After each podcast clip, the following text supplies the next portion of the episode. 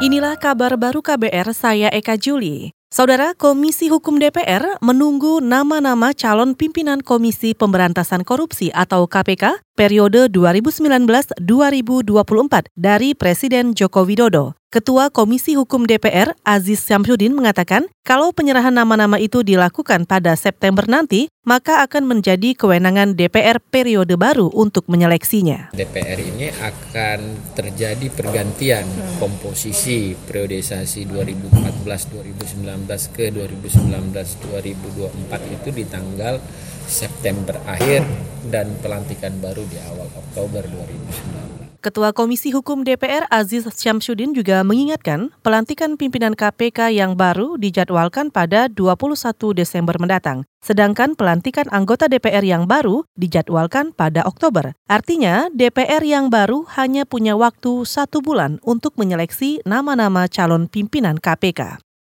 Kita ke informasi lain, Kementerian Kominfo menutup seratusan lebih URL atau lokator alamat iklan rokok di internet yang memperlihatkan wujud rokok dalam tayangan grafis iklannya. Menteri Kominfo Rudiantara mengatakan pemerintah akan terus menutup iklan rokok yang secara jelas memeragakan atau memperlihatkan bentuk rokok. Menurut Rudiantara, URL pengiklan rokok yang diblokir bukan iklan resmi dari produsen rokok di Indonesia.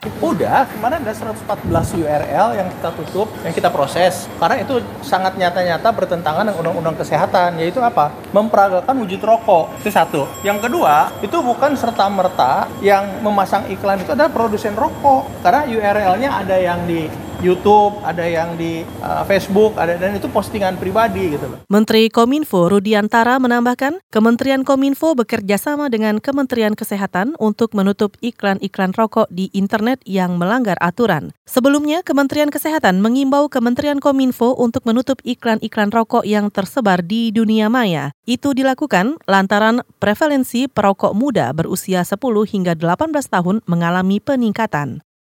Kementerian Dalam Negeri menyebut banyak daerah memiliki triliunan rupiah dana sisa lebih pembiayaan anggaran tahun berkenaan atau silpa yang mengendap selama lima tahun terakhir. Menteri Dalam Negeri Cahyo Kumolo mengatakan itu terjadi karena daerah tidak memiliki rancangan pembangunan yang baik. Menteri Cahyo berharap masalah dana silpa segera terselesaikan dan tidak berulang. Di tingkat provinsi itu ada yang silpanya 23 triliun, ada yang satu provinsi di Sumatera itu ada yang hampir 2 triliun silpanya misalnya. Ini yang saya kira perlu dicermati dengan baik. Memang dalam konteks menghabiskan anggaran itu masih sulit. Apakah ada ada yang salah dalam sistem birokrasi kita?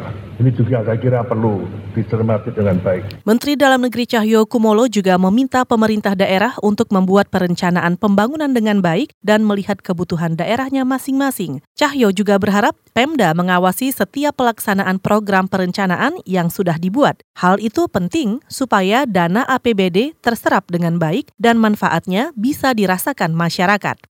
Saudara, petugas Satpol PP Kabupaten Rembang, Jawa Tengah menertibkan atribut kandidat calon yang akan maju dalam pilkada. Selengkapnya bersama reporter radio jaringan Musyafa dari Radio R2B Rembang. Kandidat calon Bupati Rembang, Jawa Tengah, Subarno, memprotes supaya petugas Satpol PP menertibkan alat peraga gambar pencalonan miliknya di sejumlah titik. Subarno yang ingin maju lewat jalur perseorangan atau independen ini mempertanyakan apa motivasi Satpol PP membersihkan alat peraga tersebut. Ia menuding penertiban tebang pilih sehingga memicu kecurigaan ada pihak-pihak yang merasa gerah. Ketika spanduk-spanduk itu ditertibkan, saya tidak tahu arahnya ke mana. Apakah penguasa ini e, gerah dengan adanya itu, tapi paling tidak ini adalah pembelajaran dari e, masyarakat untuk masyarakat bahwa Rembang ini ada pilgub sebentar lagi. Suparno, kandidat calon bupati di Rembang. Sementara itu, Kepala Bidang Ketertiban Umum, Ketentraman Masyarakat dan Penegakan Perda Satpol PP, Teguh Mariadi menanggapi, selain tidak berizin, pemasangan atribut berkaitan pilkada belum tepat waktunya. Pilkada serentak baru akan berlangsung bulan September 2020